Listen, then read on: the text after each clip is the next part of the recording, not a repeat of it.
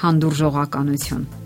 Մարդկային բնավորության այս որակը խիստ կարևոր է ցանկացած փոխհարաբերության դեպքում։ Առանց հանդուրժողականության հնարավոր չէ բնականon մարդկային փոխհարաբերություն։ Այն պահանջում է մտավոր եւ հոգեվոր որոշակի մակարդակ։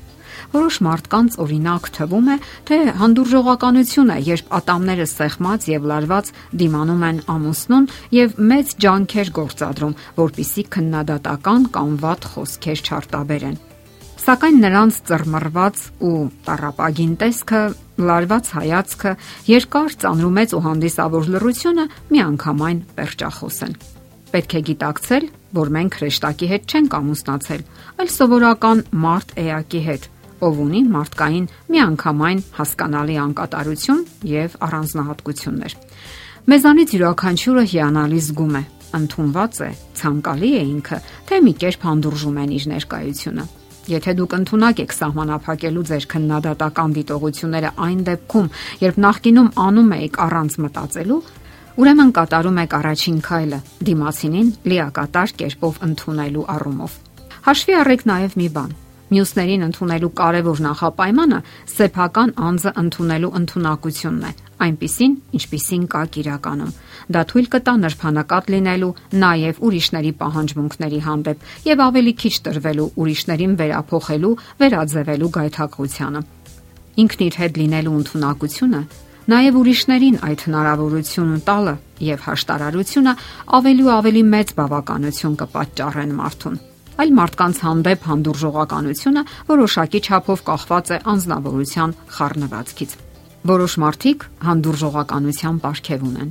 Իրենց բնույթով նրանք խաղաղ ու հանգիստ են։ Նրանց հատուկ է սեփական արժանապատվության խոր զգացումը։ Մենք բոլորս սիրում ենք այդպիսի մարդկանց, որովհետև նրանց ներկայությամբ չնչին անհարմարություն անգամ չենք զգում եւ կարող ենք բացահայտ դրսևորել մեր զգացումները, թուլանալ եւ ազատ շունչ քաշել բավականություն զգալով ինքներս մեզ հետ լինելու փաստից։ Մարդկանց մեկ այլ խումբ ի ծնե կտրուկ է։ Նրանց հաճախ գրգռում է մերձավորների վարքագիծը։ Նրանք հաստատված եւ անշեղ հայացքներ ունեն, ինչն է լավ եւ ինչն է վատ։ Այդպիսի մարդկանց ներկայությամբ մենք կարծես անհարմարության զգացում ենք ունենում, որովհետեւ երբեք չես կարող ճիշտ որոշել համապատասխանում ես նրա չափանիշներին։ Հանդուրժողականության աստիճանի վրա ազդում են նաև տրամադրությունը եւ տրամադրվածությունը։ Երբ մենք խաղաղ ենք եւ լավ տրամադրության մեջ, ամեն դատարկ առիթով չենք գրգռվում։ Սակայն եթե հոգնած ենք անբավական, նույնիսկ աննշան առիթներն են բարկության պատճառ դառնում։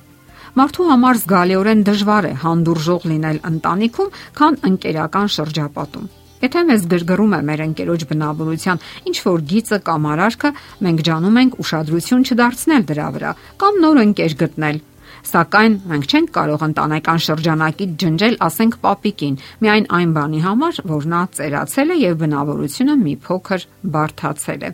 Մեր հասուն բարեկամը նույնպես կարող է առաջվա նման մասնակցել ընտանեկան որոշ գործերի, չնայած որ եսասիրական հակումներ ունի եւ մշտապես ուշադրություն է պահանջում։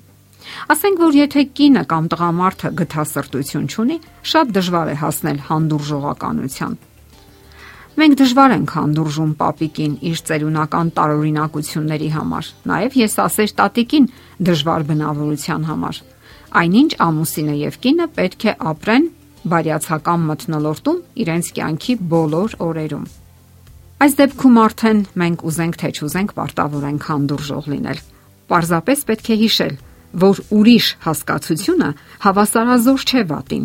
Իսկ կյանքում մենք ոչ քիչ դեպքերում ստիպված ենք ապրել այնպիսի մարդկանց հետ, ովքեր բարդ բնավորություն ունեն։ Բնավորությունը կարող է փոխվել նաև կյանքի ընթացքում, եւ զույգը պետք է պատրաստ լինի նման փոփոխություններին եւ անակնկալի չգա։ Սակայն բոլոր դեպքերում չէ որ պետք է ներողամիտ լինել ամուսնու հանդեպ։ Կան արատներ, որոնց նկատմամբ միշտ պետք է անհաշտ վերաբերմունք ունենալ ալկոհոլային խմիչքներ, ծխել, դրամ խաղալ, հայհոյելու սովորությունը, ծուլությունը, անազնվությունը, անդասյարակությունը եւ այլն։ Առողջ դատողություն ունեցող մարդիկ ներըմբռնումով զգում են, թե ինչի հանդեպ պետք է հանդուրժող լինել եւ ինչի վրա չի կարելի աչք փակել, ընդ որում ողջ ամուսնական կյանքում։ Դեռ ավելին, ընդունել միշտ չէ որ նշանակում է սիրել, Երբեմն դա նշանակում է ընկալել իրավիճակը առանց բացահայտ ճշնամանքի։ Ամուսնության ընթացքում ամուսինների միջև ի հայտ են գալիս տասնյակ տարբերություններ, որոնց հետ նրանք պետք է կարողանան հաշտվել։ Դրանք կարող են լինել շփման, շարժուձևի, խոսելու, դրսևորման տարբերությունները։ Գործնական փոխշփման եւ աղոթքների միմյանց հետ կիսվելու միջոցով մենք պետք է սովորենք բարձրացնել մեր հանդուրժողականության մակարդակը եւ ըմբռնումով վերաբերվել մարդկանց միջև գոյություն ունեցող հիմնական տարբերություններին։ Դա նույնիսկ գեղեցիկ է, երբ զույգը փոխ լրացնում է միմյանց։ Մեկի ուժեղ կողմը լրացնում է մյուսի թույլ կողմը եւ ընդհակառակը։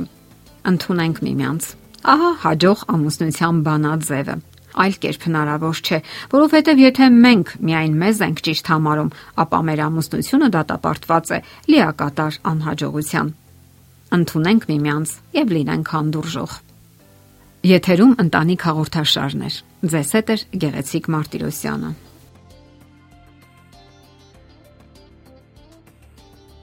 Հարցերի եւ առաջարկությունների դեպքում զանգահարեք 094 08 2093 հեռախոսահամարով։ Հետևեք մեզ hopmedia.am հասցեով։